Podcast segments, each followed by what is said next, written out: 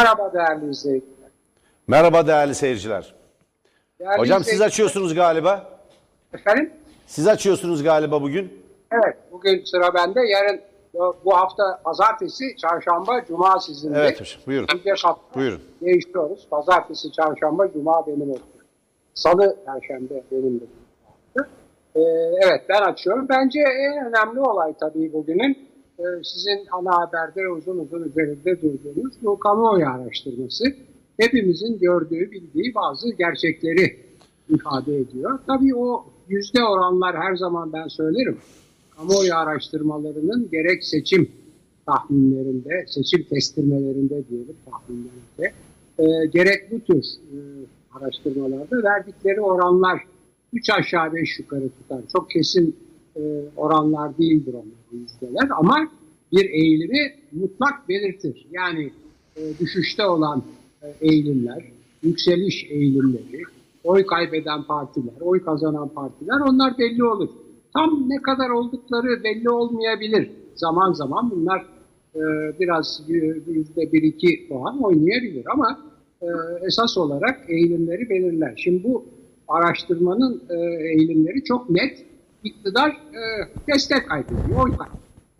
E, buna mukabil tabii e, gayet e, aritmetik bir sonuç. Muhalefet de yükseliyor, muhalefet oy kazanıyor. Şimdi bunun sebebi ne diye e, baktığımızda ben bunu uzun uzun da anlattım. Bütün e, böyle oy kaybeden partilerde, e, efendim e, zarar eden işletmelerde, e, tiraj kaybeden gazetelerde veya izleyici kaybeden, reyting kaybeden kanallarda kurucu liderler eğer hala baştaysa, değilse yeni gelmiş olan liderler e, birkaç hata bir öder, bedel öder. Şimdi bunların en başındakine biz e, bir yapısal hatadan kaynaklanır en büyük hata. Buna biz kifayetsiz muhteris liderler diyoruz. Kifayetsiz muhteris liderler genellikle ihtirasları objektif şartları yani ulaşılabilir hedefleri aşan veya kendi yeteneklerini, kendi niteliklerini aşan ihtiraslara sahip olan liderler. Bunların en klasiği Hitler'dir. Ee, yani e, sessiz sedasız savaş mavaş yapmadan kazanabileceği bir sürü e, siyasal e, müzakerelerle kazanacağı ve kazanmış olduğu hatta bazı avantajlar varken ki e, işte Versay araştırmasının şey Versay anlaşmasının yırtılması filan odur. Yani itirazını gemleyemedi. Gitti Dünya İmparatorluğu'na savaştı. Rusya'ya girdi filan ve sonunda hem kendi ülkesini hem insanlığı kana bulayarak yok etti. Birinci hata budur. İkinci hata oportunizm hatasıdır. Gene bu işte kurucu liderler işletmelerde veya siyasette ya işte gazetelerde. Yani küçük fırsatlar çıkar bazen insanın önüne. Yani rakibinizin ayağı kayar, bir terslik olur filan. Haksız yere birisine saldırılır filan. Böyle küçük fırsatlarla sizi kar ettirecek veya kullanabileceğiniz şeyler. Fakat bunları kullanmaya kalktığınızda güvenilirliğinizi kaybedersiniz. Ki üçüncüsü çok önemli. Sanıyorum bu araştırmada ortaya çıkan sonucun esas nedeni o. Üçüncüsü panik.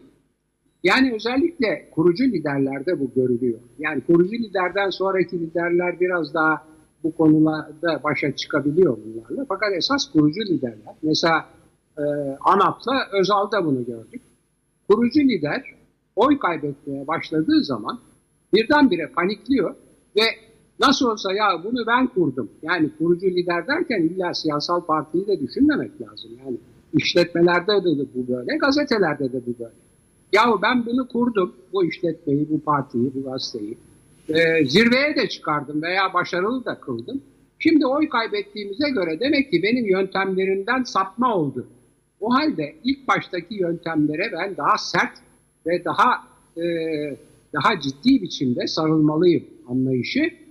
Yani aslında oy kaybeden veya karlılığı azaltan, zarar ettiren veya tiraj kaybettiren olayları, politikaları daha sert biçimde geriye dönerek sürdürmek. Şimdi siz sık sık üstünde duruyorsunuz.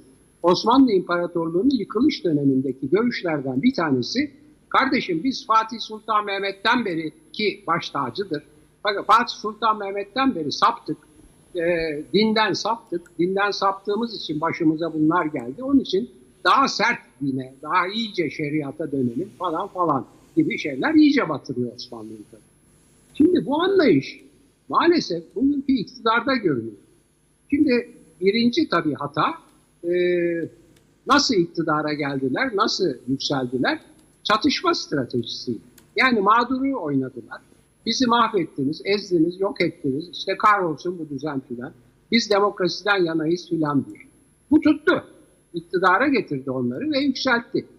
Ama ondan sonra bu e, propagandanın arkasında yatan demokratikleşmenin e, boşa söylenmiş bir e, bir hayal olduğu, tam tersine demokratik hak ve özgürlükleri sınırladıkları ortaya çıktıkça bu strateji gitti.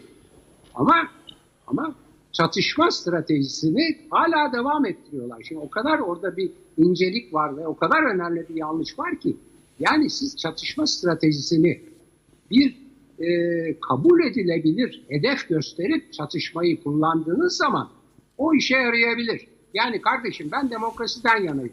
Bütün demokrasiden yana olan güçler benle birlikte olsun. Bakın benim rakiplerim antidemokratik işte laikçi teyzeler şunlar bunlar biz buna karşı savaşalım. Yıllardır bizi sömürüyorlar hakkımızı arayalım diye müthiş bir saldırı ve çatışma stratejisiyle gittiler. Hedef demokrasi, temel hak ve özgürlükler kabul edilebilir olduğu için bu başarılı oldu. Şimdi bu kabul edilebilir hedef tutmadı, yanlış olduğu, aldatmaca olduğu ortaya çıktı. Dolayısıyla hem müttefikleri bıraktılar, hem e, bu demokrasi idealinin veya rüyasının peşinde ona destek verenler e, müttefik veya değil, inanarak destek verenler terk ettiler. Fakat aynı çatışma stratejisi bütün hızıyla ve bütün şiddetiyle devam ediyor. Hatta şiddetlenerek devam. Şiddetlenerek. Çünkü bu işte e, tek kişi yönetimine geçiş parlamenter demokrasiden böyle bir sonuç verdi. Yani birincisi bu. E, ikincisi e, oy kaybetmeye başlayınca yani tek kişi yönetimi e, aslında ihtirasın sınırıydı o. Yani parlamenter demokrasiyle iktidara gelmiş. Parlamenter demokrasiden yararlanmış, başarılı olmuş. Daha ileri taşıyayım, daha ileri taşıyayım. Tek başıma, tek kişi iktidar olsun deyince olmadı, olmaz. Yani bu, bu çağda hiçbir ülkede tek kişinin iradesi, gücü, bilgisi, işte iki gözü, iki kulağı nihayet bir beyni var. Yani 24 tane de saati var. Mümkün değil. Olmayınca kaybetmeye başladı. Yani aslında ihtirası mevcut e, koşulları, e, mevcut durumu aştı. Şimdi bunun üzerine oy kaybetmeye ve destek kaybetmeye başlayınca eskiye dönüş şey gitti. Eskiye dönüşe gitti fakat bu tabii o kaybettiği için zaten desteği daha kötü sonuç verdi. Çünkü zaten bu işte eski yöntemleri hala kullanmaya çalıştığı için oy kaybediyordu. Ne yaptı? Çatışma ideolojisini, çatışma stratejisini yerel seçimlerde olduğu gibi bütün bütün stratejisini, bütün politikasını buna dayadı. Ne oldu sonuç? İstanbul ve Ankara'yı da kaybetti. Şimdi buradan ders alıp buradan derhal ders alıp yahu ben herhalde bir stratejik yanlış yapıyorum bizim bu çatışma ideolojisi. Çünkü bir de bakın şöyle bir şey var. E, gerek Ankara'da gerek İstanbul'daki adaylar doğrudan doğruya katiyen AKP ile kavga etmeden, katiyen AKP'nin liderine sataşmadan, katiyen onun politikalarıyla doğrudan çatışmadan sadece kardeşlik, barış ve demokrasi şarkılarıyla kazandı. Şimdi bu bir, bir işaret. Fakat bu işareti algılayacağına iktidar tam tersine gördü. Dedi ki ben bunları kaybettim. Demek ki benim bu partiyi kurup başarıya götürdüğüm çatışma ideolojisi az kullanıldı, daha çok kullanıldı. Ve işte o zaman o zaman hayati bir hata yaptı. Türkiye'de üç büyük kentin belediye başkanıyla rekabet ilişkisine girmek, çatışma ilişkisine girmek, herkesin gözü önünde hem de bir bir pandemi, bir salgın çerçevesinde yardım etmeye çalışan belediyelerin ekmek yapan, ekmek dağıtan, bilmem bağış toplayan, işte yardım kolileri hazırlayan, çeşitli hizmetler vermeye çalışan belediyeleri suçlamak hem de hainlikle ve terör örgütüne benzetmekle, benzeterek suçlamak tamamen ters tepecek bir şey. O kadar açık ki bu. Fakat o şeyi düzeltemiyorlar. İşte bu maalesef panik eski politikalara dönmeye sebep oluyor. Sonuçta bugün herhalde şimdi siz onu ayet ayrıntılı olarak da irdeleyeceksiniz. Bugün e, yapılmış olan e, kamuoyu yoklamasındaki eğilimleri gösteriyor. Hem e, güven kaybetti, güven de kaybetti. Çünkü ne diyor? Bakın hep de şeye giriyor, devreye giriyor. Diyor ki kriz var, biz bu krizi siz kaç defa vurguladınız? Biz bu krizi fırsata çevireceğiz diyor. Kaç defa söylediniz bunu? Evet hocam biliyorum. Şimdi dolayısıyla hem bu parlamenter sistemden tek kişi sistemine geçiş, e, koşulları fazla zorlamak, iktidarı daha ileriye götürecek bir itiraz. Ondan sonra fırsatçılık, işte bu şeyden bir sürü sebeple, bu 15 Temmuz da aynı şey. Darbe yapmaya kalktılar, o önlendi. Herkesin, benim de sizin de desteğimizle psikolojik destek veya bir takım eski subayları fiili desteğiyle önlendi. Kendileri bu sefer 20 Temmuz'da darbe yaptılar filan. O da bir, bir tür fırsatçılık. Üstüne rejimi değiştirdiler. İyi yani e, koronavirüsü krizi e, fırsat görüyor. Krizi fırsata çeviriyor. Ve en son panik eski eski çatışmacı stratejilerini halkı yabancılaştıracak biçimde kullanıyor. Şimdi ben buradan hem Türkiye halkının, hepimizin, bütün seçmenlerin hem de iktidarların e, yararına bir şey söylemek istiyorum. Yapmasınlar. Yani bu çatışma stratejisi, muhalefeti, hele hele üç büyük kentin bağrına bastığı iki belediye başkanını özellikle çünkü İstanbul ve Ankara'yı kaybetti. Suçlu göstermek, terör örgütü üyeleriyle özdeşleştirmeye çalışmak, ellerini tutmak, yardımlarını engellemek, bağırıp çağırmak filan ters tepiyor. Hem ülkeye zarar veriyor hem kendilerine zarar veriyor. Son iki şey hemen size veriyorum. Çok e, korkutucu iki yorum var.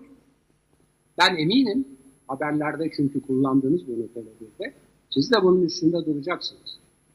E, bu mesela işte bu çatışma stratejisini e, gündeme getirmelerin daha sert kullanmalarının bir aracı, aracı da Diyanet İşleri Başkanı'nın e, beyana, beyanıydı. Şimdi bayram değil, seyran değil birdenbire Diyanet İşleri Başkanı bir ayrımcılık yapıp bir kesimi, nüfusun bir kesimini suçlayıcı hem de bu öldürücü, öldürücü pandemiyle, pandeminin kaynağı olmakla suçlayıcı bir konuşma yaptı. Durup dururken.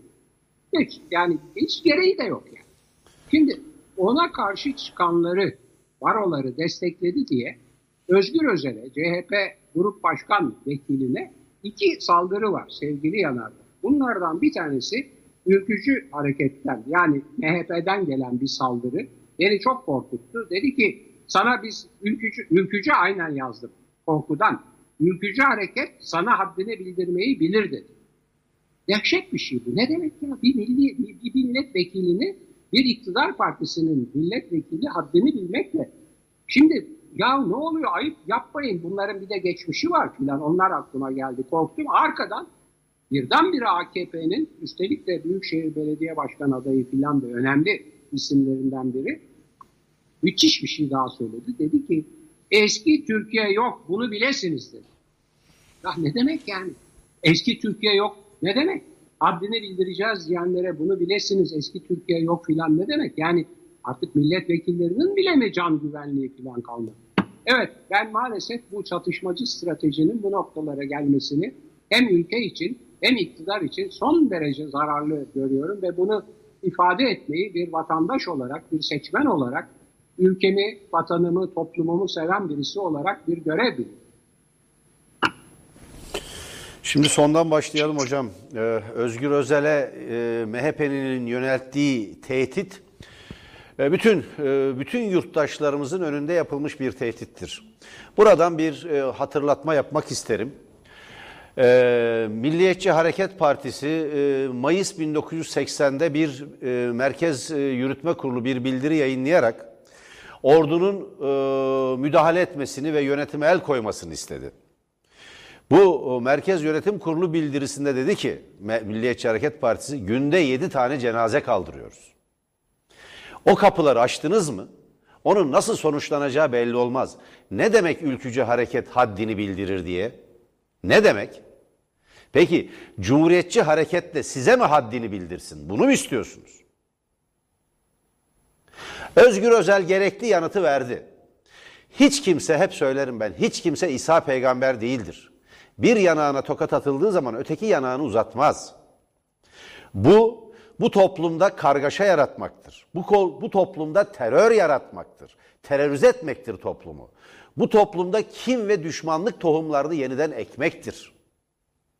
Sokakta, kahvede, çarşıda, pazarda çatışma kışkırtıcılığıdır. Suçtur. Suçtur. Herkes bu nedenle, herkes bu nedenle ya demokratik e, kurallar içinde ve hukuka uygun bir tarzda siyaset yapacaklar veyahut veyahut kimin kılıcı keskinse diyecektir. Şimdi birincisi modern, çağdaş, demokratik ve uygar siyaset yapma tarzıdır. Diğeri başka bir şeydir. Başka bir şeydir. Bütün bunlar yurttaşların gözünün önünde ceryan ediyor. Kabadayılıkla, külhanlıkla bu ülkede siyaset yapılmaz. Bu ülkede kabadayılıkla, külhanlıkla siyaset yapmaya kalkanlara da tarih haddini bildirdi zaten. Tarih haddini bildirdi. Yani hiç kimse ama hiç kimse dokunulmaz olduğunu da düşünmemelidir. Bu ülkenin tarihi halifelerin yedi kule zindanlarına atıldığını ve orada boğdurulduğuna bu ülkenin tarihi şahitlik etti. Hiç kimsenin dokunulmazlığı yok. Dolayısıyla bugün bugün bu toplumda bu ülkede uyguladığınız zulüm ilelebet devam edemez. Zalimlerin saltanatı sürdürülemez. Onun eşiği korku sınırıdır. Bu toplum o sınırı geçti. Farkında değilsiniz. Bunu yapmayın. Mafya çetelerinden medet umuyorsanız buna hiç kalkışmayın. Hiç kalkışmayın. Bu ülkede böyle iktidar olunmaz. Ya demokratik, modern, hukuka uygun bir zeminde bu ülkeyi yöneteceksiniz, bu ülkeyi taşıyacaksınız veyahut bu ülkeyi ortaçağ karanlığına iade edeceksiniz. Diyanet İşleri Başkanı'nın yaptığı da budur. Şimdi salgın hastalıkları vesaireyi şimdi bir inanışa göre ya bunlar Allah'ın ilah, ilahi ikazları diyebilirsiniz. O halde dağıtın bilim kurulunu, Diyanet İşleri Başkanlığı bir alimler kurulu kursun, e, koronavirüsle o alimler heyeti Din bilginleri heyeti mücadele etsin. Kurtarsınlar bizi ya bu toplum ve dünyayı kurtarsınlar. Madem ilahi ikaz. İşte bu orta çağ düsturudur. Orta çağ anlayışıdır. Orta çağ ideolojisidir. İşte bu dinle, dinle dünya işlerini, inançla gündelik hayat, inançla bilimi, inançla eğitimi yer değiştirmeye kalkışmaktır insanların vicdanlarında, bilinçlerinde, ruhlarındaki bir tercihi yaşamın bütün alanlarında egemen kılma çabasıdır. İşte bu teokrasidir. İşte bu laikliğe karşı işlenen bir suçtur. Diyanet İşleri Başkanlığı, laik cumhuriyetin bir kurumu olarak laikliğe karşı faaliyetlerin odağı haline gelmektedir. Bugün İyi Parti'nin genel başkan yardımcısının söylediği gibi bu anlamda yalnızdır. Millet onunla değildir, halk onunla değildir. Muhalefet onunla değildir. Avrasya Stratejik Araştırmalar Merkezi'nin yaptığı kamuoyu yoklaması da bunun en açık kanıtıdır. Sayın Erdoğan bugün başkanlık seçimine girdiği takdirde kaybedecektir. Bu çok açık. Sonuçlar ortada. Milliyetçi Hareket Partisi barajın altındadır. Barajın altında. Siz buna rağmen, halka rağmen, halkın iradesine rağmen hileyle, hurdayla, tehditle, şantajla bir ülkeyi yönetemezsiniz. Bir yandan MHP milletvekili, MHP yöneticisi e, Türkiye'nin ikinci büyük siyasi partisi ve kurucu partisinin grup başkan vekilini ülkücü hareket sana haddini bildirecek diye tehdit edecek. Diğer yandan Diyanet İşleri Başkanı da bu ülkeyi bir orta çağ perspektifinden modern çağın bir hastalığıyla, bir vebasıyla mücadele etmeye kalkacak. Bu bir zavallılıktır. 21. yüzyılın ilk çeyreği tamamlanırken bu ülkeyi bir körfez emirliğine çevirmek, bir Taliban Afganistan'ına çevirmek girişimidir. Ben buna, ben buna ne hükümetin ne Sayın Erdoğan'ın çok fazla bu anlayışa itibar edeceğini zannetmiyorum. Umuyorum ki bu anlayışı reddedecekler. Umuyorum ki bilim kurulunun istediklerini yapacaklar ve bilim kurulu oluşturulması zaten bu anlama geliyor. Umuyorum ki böyle davranırlar. Ben merak ediyorum. Yani Diyanet İşleri Başkanlığı bu ülkede Şeyhül İslamlık makamı mıdır? Yani onun verdiği fetvayla şehzadelerin kellesi mi alınır? Padişahlar taht, tahttan mı indirilir? Bir fetvayla ipek urganla boğulur mu halifeler? Bakın halife kutsal olduğu için kanını akıtmak da günah. O yüzden ipek bir urganla boğularak öldürülürler. Bu mudur? Böyle bir düzen mi kurmaya çalışıyorsunuz? Ya da yay, yay kirişi Bunu yapmayın. değil mi? Bunu yapmayın. Fikriyle veya ipek kordonu. Buyurun hocam.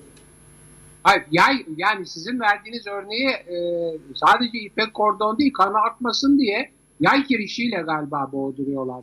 İpek, ipek urgan veyahut ya, yay kirişi boğazı kestiği için o daha eski bir uygulama. Daha sonra ipek. Yani sınıfsal konumuna da uygun. Yani orta çağ ve daha, evet. daha insani, daha evet, insani. Evet. Yani orta çağ e, infazları bunlar. Yani hepsi bizim tarihimizdeki acı gerçeklerdir. E, evet. Padişah olan sultan, e, şey şehzade bütün kardeşlerini boğdurur, yok eder filan. Yani acılarla doludur o tarih. Her neyse bu devletin bekası için falan denir daha sonra. Fakat sonra da kaldırılır bunlar. İlkel bulunduğu için kaldırılır. Velihat tayin edilir. O velihat daha sonra şeydir yani diğerleri itiraz etmediği zaman iktidara gelir filan. Yani öyle devam eder. Uygulama bilinir.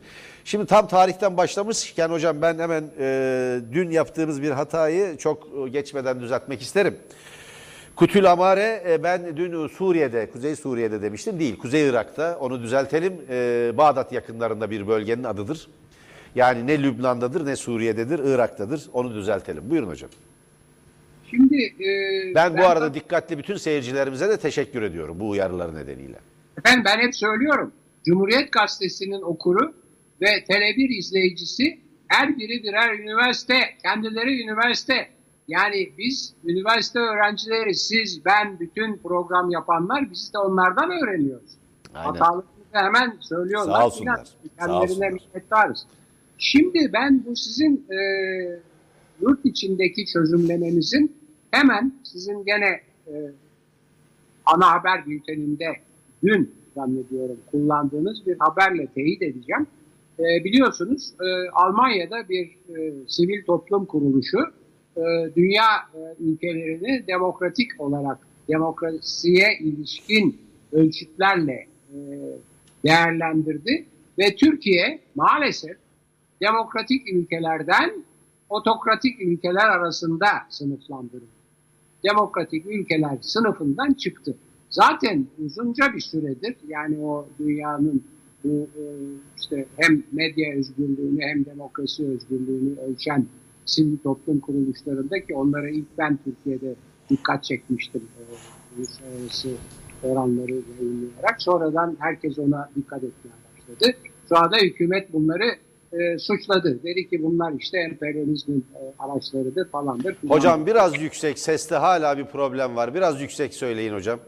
Freedom, Freedom House'dan söz ediyorum. Freedom Özgürlük House evi. uzun süre bunu yapıyordu. Ben onun e, Freedom House'un sıralamasını e, Türkiye'de ilk defa oradan alıp yayınlamıştım. Ondan sonra herkes fark etti onun önemini. Herkes onun önemini fark edince de iktidar bu sefer onları emperyalizmin uşakları olmakla suçladı.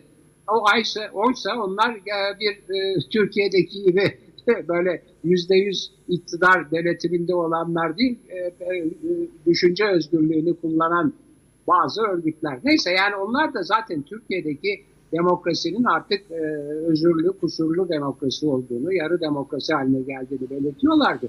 Bu Almanya'daki kuruluşun ki bunu tescil etti. Bu bir. iki. Şimdi e, bugün bir haber daha var. Ben e, doğrusu e, sizin o konuda hem de bu e, oradaki mahkeme yargıcının e, e, karşı o yazısıyla birlikte o, o konudaki fikrinizi merak ediyorum. Hocam o konudaki ceza- fikrimizi hemen bir şey hatırlatayım hocam onu da yorumlayın. O konudaki fikrimizi söylemeye fırsat kalmadı. Rütük bugün bir ceza daha kesti. Sonunda söyleyeceğim. Ee, zaman kalırsa e, zaman e, bir bölümü ayırıp söyleyeceğim. Rüt- Rütük bugün bir ay içinde Tele1'e üçüncü cezasını kesmiş oldu. Ha, bir ay bir bile. ceza mı bu? Ben Evet. onu seni, Fox TV'ye ve. Halk TV'ye de beraber kestiler. Yine bugün bir ceza kesildi. Hem de para cezası. O ne gerekçe? Onun gerekçesi ne? İsterseniz hocam lafınız bitti mi bilmiyorum ama ben söyleyeyim. Hayır, Yine Can çok- Ataklı'nın sabah programında durum şu. Biliyorsunuz Ulaştırma Bakanı, eski Ulaştırma Bakanı koronavirüs günlerinde Kanal İstanbul ihalesini yapmıştı ve çok tepki çekmişti. Doğru. Yani ihaleyi ertelemediler. Her şey ertelendi. Okullar ertelendi, üniversiteler ertelendi. Anaokulları kapatıldı, ilkokullar kapatıldı. Her şey kapatıldı ama ihaleyi yapmışlardı ve kamuoyu haklı Maske- olarak çok büyük yani- tepki gösterdi. Bu nedenle Maske- maske- 27'si değil mi? 27 e, Mart'ta bakan görevden alındı ya da istifa etti. Görevden çekilmiş olabilir. 28'inde e, bugünkü bakan yani bugünkü bakan atandı. Ulaştırma Bakanı Adil Kara İsmailoğlu 28'inde Arada bir bakanlar kurulu toplantısına katıldı. Bir yemin tartışması oldu. Ya yemin etti mi etmedi mi? Yemin etmeden göreve başlanamaz biliyorsunuz hocam. Yemin etmek mesela milletvekili seçilirsiniz ama e, kürsüde yemin etmeden mazbatanızı alamazsınız. Yani yemin eder, ederseniz pardon mazbatanızı alırsınız ama e, kürsüde yemin etmeden Büyük Millet Meclisi'nde yemin etmeden göreve başlamış sayılmazsınız. Doğru. Şimdi e, Can Ataklı da 31 Mart'ta saat 17-16'da yeni bakan mecliste yemin ediyor. 17-16. Dikkatinizi çekerim akşam saatlerinde. Can Ataklı da biliyorsunuz sabah program yapıyor hocam. 1 Nisan'da saat 07'de program başlıyor. Gün başlıyor programı Tele1'de. Diyor ki e, bu programda aynen videoyu ben bugün defalarca izledim. Çünkü dün toplanması gereken Rütük bazı üyelerinin mazeret bildirmesi nedeniyle bugün saat 14'te toplandı. Diyor ki ya bu bakan da ya göreve başladı mı başlamadı mı? Ben bilmiyorum diyor. Gazetelerde de haber yok. Haber yok diyor. Göreve başladı mı başlamadı mı? Eğer göreve baş şey e, e, pardon yemin etti mi etmedi mi? Ama göreve başlamış görünüyor. Yemin etmediyse göreve başlayamaz diyor. Fakat bilmiyorum gazetelerde de yok diyor. Hakikaten gazetelerde haber yok. Saat geç saatte yemin ettiği için. Ve bakan yemin etmedi demiyor. Bakan görevi başlayamaz demiyor. Olayın üzerinden bir süre sonra o bölüm e, daha sonra bazı izleyiciler tarafından o bölüm kesiliyor ve bir e, Twitter ortamında, sosyal medya ortamında video olarak yayınlanıyor. Can Ataklı da bunu retweet ediyor. Yani onu e, yaygınlaştıracak bir şeydir, bir e, eylemdir, bir iştir, işlemdir e, bilgisayar ortamında, sosyal medya ortamında. Bunun üzerine çok geç bir biçimde Yeni Şafak, işte Net TV'nin haber portalı ve diğer yandaş gazeteler utandın mı? Bak işte bakan yemin etti 31'inde sen yemin etmedi dedin diye hakkında e, Can Ataklı'ya utandın mı? Geri alacak mısın sözlerini? Özür dileyecek misin diye klasik e, ve troller bir kampanya başlatıyorlar. Can Ataklı da onlara cevap yazıyor. Diyor ki yani ben yemin etmedi demedim zaten. Yemin ettim etmedi mi diye sordum ki ara- ayrıca arada bir bakanlar kurulu toplantısı yapıldığı ve bu bakanın da katıldığına dair iddialar var. Bakmak lazım. 30'unda bir bakanlar kurulu toplantısı yapıldığı belirtiliyor. Bakmak lazım.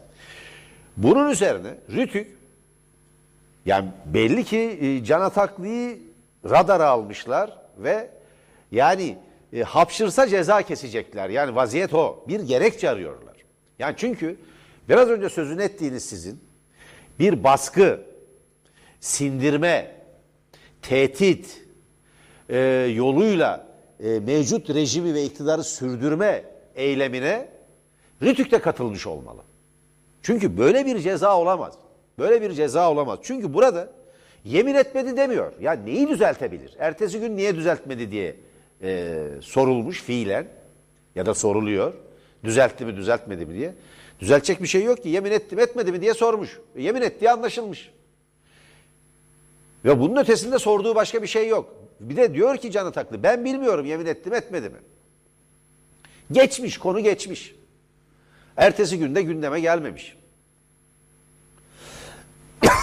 Ve Can Ataklı önündeki gazetelere bakıyor diyor ki gazetelerde de haber yok. Hakikaten yok. Yani yandaş gazetelerde de haber yok yemin ettiğine dair. Ve Rütük ancak 30 gün sonra 30 gün sonra bugün 30 e, Nisan 30 gün sonra bunu gündemine alıyor. Rütük. 30 gün sonra. Amaç Tele1'e ceza kesmek, Tele1'i susturmaya çalışmak, Tele1'i sindirmek, yıldırmak. Can Ataklı'yı belki de program yapamaz hale getirmek. Her neyse. Ama adil değil. insaflı değil. Demokratik değil. Hiçbir vicdani kanaate göre suç sayılamayacak, hiçbir hukuki değerlendirmeye göre suç sayılamayacak bir şey. Yapacağınız şudur en fazla. Bir düzeltme gönderirsiniz. Dersiniz ki Sayın Bakan 31'inde saat 17-16'da yemin etti.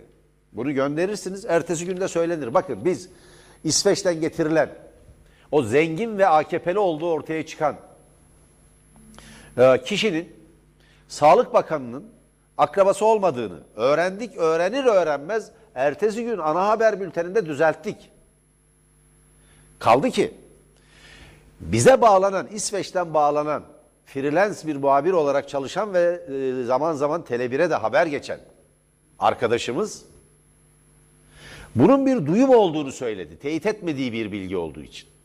Daha sonra böyle olmadığı anlaşıldı. Biz hemen ertesi gün düzelttik. Tele1 yaptığı hiçbir maddi hatayı ne diyelim eğmeden, bükmeden ama fakat filan demeden açıkça düzeltir. Açıkça düzeltir.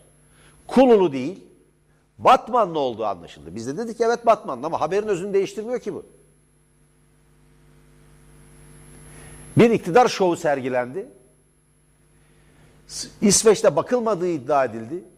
İsveç Sağlık Bakanlığı yetkilileri çıktılar televizyona ve dediler ki burada herkes sosyal güvence altındadır ve sonuna kadar bakılır. Garip bir hava vardır biliyorsunuz hocam. Kendi ülkelerini çok sevdiğini söyleyenler genellikle giderler İsveç'te, Almanya'da, Fransa'da vesairede çalışırlar. Orada sosyal demokrat partilere üye olurlar. Gelirler buraya gerici ve faşist partilere kaydolurlar. Böyle bir ikiyüzlülüğe sahiptirler. Her nedense. Şimdi İsveç gibi sosyal güvenlik sisteminin en yüksek düzeyde olduğu, sosyal refahın Avrupa'nın en gelişmiş ülkelerinden birinden söz ediyoruz. Sağlık sistemi de böyle. Bütün yurttaşlarına ve orada genel sağlık sigortası kapsamındaki herkese sonuna kadar hizmet ediyorlar. Olay bu. Şimdi biz bunu hemen düzelttik. Şimdi e, hocam 1 Nisan'daki bu yayın nedeniyle şimdi neresini düzelteceksiniz? Ne diyeceğiz yani? Can Ataklı ya mesela ne demeli? Tele1'e gelirlerinin yüzde ikisi oranında yeni bir para cezası kesildi. Böylece son 15-20 gündür galiba 20 gündür ya bir ay olmadı bir ay oldu olmadı. Üçüncü cezadır bu. Fox'a da kesilmiş ve Halk TV'ye de kesilmiş. Ayşenur Aslan'ın Medya Mahallesi programına kesilmiş. Ceza verilmiş. Bunun yanı sıra başka bazı televizyonlar da var. Ben onlardan özür diliyorum hocam. O diğer televizyon kanalları ve radyolardan. Sebebi şu. Onlara bizim yüzümüzden ceza kestiler. Bu nedenle kusura bakmasınlar. Çünkü Rütük şöyle düşünmüş olmalı. Ya sadece muhalif kanallara vermeyelim. Araya birkaç tane daha koyalım. Baktım onların gerekçesi yani hakikaten son derece yersiz. Gerekçeler var. Valla kusura bakmasınlar. Ee, o radyo ve diğer televizyonlar herhalde sadece muhalif e, yayın yapan yani gerçek haber ve bilgiyi toplumla paylaşan e, kanallara ceza vermiş gibi görünmemek için böyle bir e, yola başvurmuş olmalılar. Hocam video sosyal medyada var. Allah aşkına bir de siz bakın. Can Ataklı yemin etmedi demiyor. Yemin etti mi etmedi mi diye soruyor ve ben bilmiyorum diyor. Eğer yemin etmediyse göreve başlamış sayılmaz. Ama bir takım icraatların içinde. Bu kadar. Ama bilmiyorum gazetelerde de yok diyor. Bilmiyorum diyor. Duyurmamışsınız ki. Ceza bu hocam. Yani ama biz seyircilerimizin desteğiyle, toplumun, halkın desteğiyle bunu aşacağız. Bu engelleri aşacağız. Tele1 gerçeğin sözcülüğünü yapmaya, aydınlanma mücadelesini sürdürmeye, bağımsız gazetecilik kavgasını vermeye devam edecek bu ortamda. Çok sayıda seyircimiz var hocam. Siz de bunu değerlendirin. Ondan sonra seyircilerimizin de e, ben e, ya alınıyor insanlar. Herkesin adını sayamayız. Bize destek mesajları çeken, bize destek olan, e, bize sponsorluk yapan seyircilerimizin adlarını sayıyorduk. Daha sonra hani bir ara verdik. Fakat bugün özellikle saymak istiyorum hocam. Buyurun siz değerlendirme yaparsanız onunla da bitiririz. Benimki çok e, basit iki cümle söyleyeceğim. Hatta belki bir cümle söyleyeceğim. Yapmayın kardeşim. Çatışmayı tırmandırmayın. Baskıyı arttırmayın. Bu ülkeye de yazık. Bu seçmene de yazık. Siz de kendinize yazık ediyorsunuz. Bindiğiniz dalı kesiyorsunuz. Bunu görmüyor musunuz? Yapmayın. Baskıyı arttırmayın. Çatışmayı tırmandırmayın. Herkes zarar ediyor. Bu hani kazan kazan vardır. Bu kayıp kayıp oluyor. Yapmayın bunu. Türkiye kaybediyor. Evet Türkiye kaybediyor. Evet. Ben çünkü geçen gün bir ceza daha verdiler. Seyircilerimiz çok büyük destek verdi bize. Ben Rona Bey'e, Uğur Bey'e, Mustafa Halit Bey'e, Ayşe Hanım'a, Haydar Bey'e, Ayşegül Hanım'a, Nihat Bey'e, Kazım Bey'e, Musa Bey'e, Malik Bey'e, Ahmet Bey'e, Ali Bey'e, Recep Bey'e, Yılmaz Bey'e, Tuncer Bey'e, Nazım Bey'e, Ali Rıza Bey'e, Safiye Hanım'a, İnci Hanım'a, Zeliha Hanım'a, Özlem Hanım'a, Mehmet Bey'e, Öner, Haydar, Mehmet, Metin Beylere ve Feyman Hanım'a, Ergül Hanım'a, Halil Bey'e, Nuray Hanım'a, Ahmet Bey'e, Erdal Bey'e, Erdoğan Bey'e, Sevin Hanım'a, Sibel Hanım'a, Ayşen Hanım'a, Ahmet Nuri Bey'e, Saadet Hanım'a, Oya Hanım'a, Hayrettin Bey'e, Öcal Bey'e, Faruk Bey'e, Hidayet Bey'e, İpek Hanım'a, Güley Hanım'a, Zehra Hanım'a, Sevim Hanım'a ben çok çok teşekkür ediyorum ve adını sayamadığımız onlarca, yüzlerce seyircimize. Onlar siz yalnız değilsiniz dediler bize. Onlar bu mücadelede biz sizi biz sizin doğruyu ve gerçeği temsil ettiğiniz, doğruyu ve gerçeğin sözcülüğünü yaptığınızı, bize doğru ve gerçek haberleri aktardığınızı, bizim yalnız olmadığımızı bize gösterdiğinizi düşünüyoruz dediler. Ben onlara sadece şunu söylemek istiyorum. Asıl siz bizim yalnız olmadığımızı gösterdiniz. Bu mücadeleyi hep birlikte vereceğiz. Bu ablukayı hep birlikte dağıtacağız. Ben çok teşekkür ediyorum bize destek olan bütün seyircilerimize. Çok çok sağ olsunlar. Evet. Yarın görüşmek üzere. Bir de küçük önerim var size hatırlatayım. Ee, aslında Rütük'ün yaptığı e, yetkisini, otoritesini kötüye kullanmaktır ve bu, bu suçtur biliyorsunuz ceza yasasına göre. Siz de karşı dava açın. Evet hocam. Onu da yapacağız. Şimdi bizden sonra hemen 21'de hocam e, önemli bir Tele1 programı var. Türkiye e, Türkiye'nin gündemi programı. E, bu programda çok değerli konuklar var. Türkiye'de ve dünyada ko- koronavirüsle nasıl mücadele ediliyor? E, bizim e, Gökhan Kazbek arkadaşımız hem e, yayın kurulumuzda hem e, haber müdür yardımcılığını yapıyor hem ekonomi haberlerimizin editörü. Gökhan Kazbek arkadaşımızın sunduğu ve e, dünyada nasıl nelerin olup bittiğinin tartışılacağı program. Stüdyoda Doktor Ali Çerkezoğlu olacak. Türkiye'de bu mücadele nasıl yürüyor? Türk Tabipler Birliği'ni temsilen çünkü bulunacak. Moskova'dan Mahir Esen bağlanacak. Tele1'in Moskova e, temsilcisi. Amerika Birleşik Devletleri'nden, Washington'dan Yılmaz Polat bağlanacak. E, Tele1'in Washington temsilcisi. Tele1'in Almanya temsilcisi Mehmet Tanlı bağlanacak. Ve Paris'ten, Fransa'dan Süleyman gazeteci Süleyman Tosunoğlu bağlanacak. Bu programı da kaçırmamanızı öneririm. Hoşçakalın. Evet, görüşmek üzere.